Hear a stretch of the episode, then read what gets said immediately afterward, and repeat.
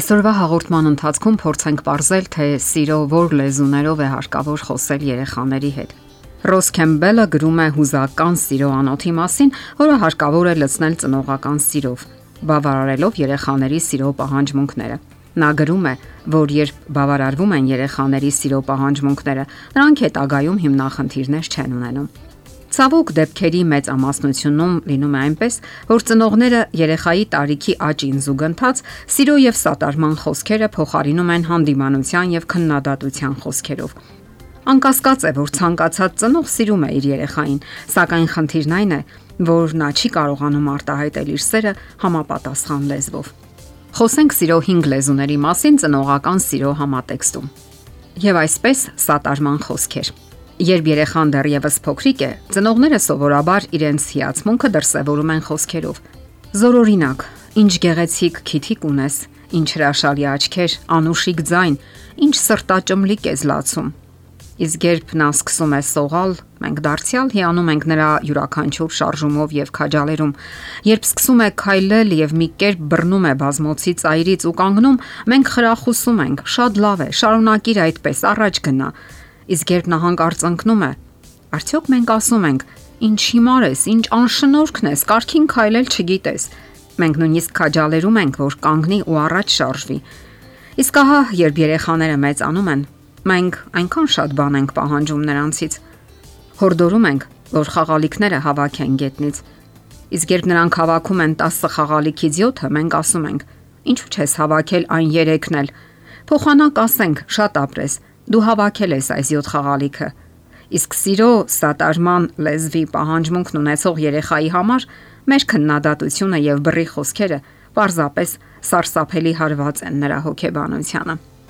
Սիրո հաջորդ լեզուն որակյալ ժամանակն է։ Սա նշանակում է ժամանակ հատկացնել երեխային, նրա հետ նստել հատակին ու գնդակ գլորել, ամրոց կառուցել, թափանցել նրա աշխարհը ու հասկանալ, թե ինչն է հուզում նրան։ Ձեզ կարող են չհրապուրել համակարգչային խաղերը, սակայն մինչև ձեր մակարդակին հասցնելը դուք պետք է նրա մակարդակին հասնեք։ Իսկ մեծանալուն զուգընթաց, երբ աճում է երեխայի մտահորիզոնը եւ լայնանում աշխարհայացքը, դուք պետք է նրա հետ եւ նրա կողքին լինեք։ Շատ մեծահասակներ մեծանալով չեն հիշում, թե ինչ են ասել իրենց ծնողները, սակայն լավ հիշում են, թե ինչ են արել իրենց ծնողները իրենց հետ։ Սիրո հաջորդ լեզուն նվերների լեզուն է։ Երբեմն հենց նվերներն են համարվում սիրո հիմնական լեզուն։ Եթե զգում եք, որ երեխան հաճույքով է ընդունում դրանք, այդ մասին պատմում է իր ընկերներին, ուրեմն դուք ճիշտ ուղու վրա եք։ Եվ հիշեք, որ կարևորը ոչ այնքան նվերի գինն է կամ որակը, այլ նվերի բուն փաստը։ Շատ դեպքերում ծնողների ձեռքով պատրաստված նվերները ավելի հաճույքով են ընդունվում նրանց կողմից, քան ամենաթանկ արժեքավոր նվերը։ Հաշվի առեք, որ նրանք երբեմն ավելի շատ խաղում են նվերի տուփի հետ, քան խաղալիքի։ Կարող եք նույնիսկ վերանորոգել հին կամ ջարդված խաղալիքները եւ նվիրել։ Նրանք առանձնակի խնդիրներ չեն ունենա դրա հետ կապված։ Երեխային ապահովելով նվերներով դուք միաժամանակ կխնայեք ձեր գումարները։ Քանի դեռ երեխաները փոքր են, մեծահասակները բավականությամբ ծառայում են նրանց կերակրում են, լողացնում, հագցնում, արթուկում շորերը, լվանում, սնունդ պատրաստում, դպրոց ուղարկում նրանց, հետևում դասերին։ Եթե շատ երեխաների համար սա միանգամայն բնականon է, ապա ոմանք այս բոլորն ընդունում են որպես սիրո դրսևորում։ Եվ եթե նրանք շնորհակալություն են հայտնում դրա համար եւ ցույց տալիս, ուրեմն դուք ճիշտ ճանապարհի վրա եք։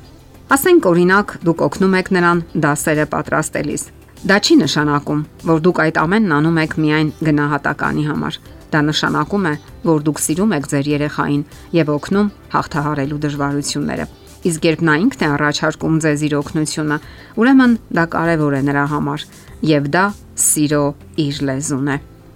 Որն է սիրո հաջորդ լեզուն։ Վաղուց հայտնի է, որ ֆիզիկական շփումը շատ կարևոր է մարդու եւ հատկապես երեխաների համար։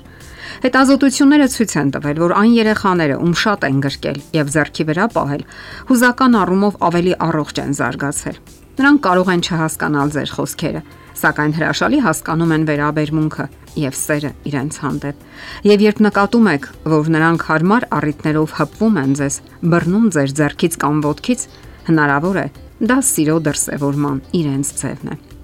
Փորձեք հետևել ձեր երեխաներին, հասկանալ սիրո նրանց լեզուն։ Ուշադրություն դարձրեք, թե ինչ խնդրանքներ ունեն, եւ երբ ընտանիքի անդամները սկսում են խոսել միմյանց հետ սիրո հիմնական լեզուներով, ապա հուզական մտնոլորտը ընտանիքում անպայման բարելավվում է։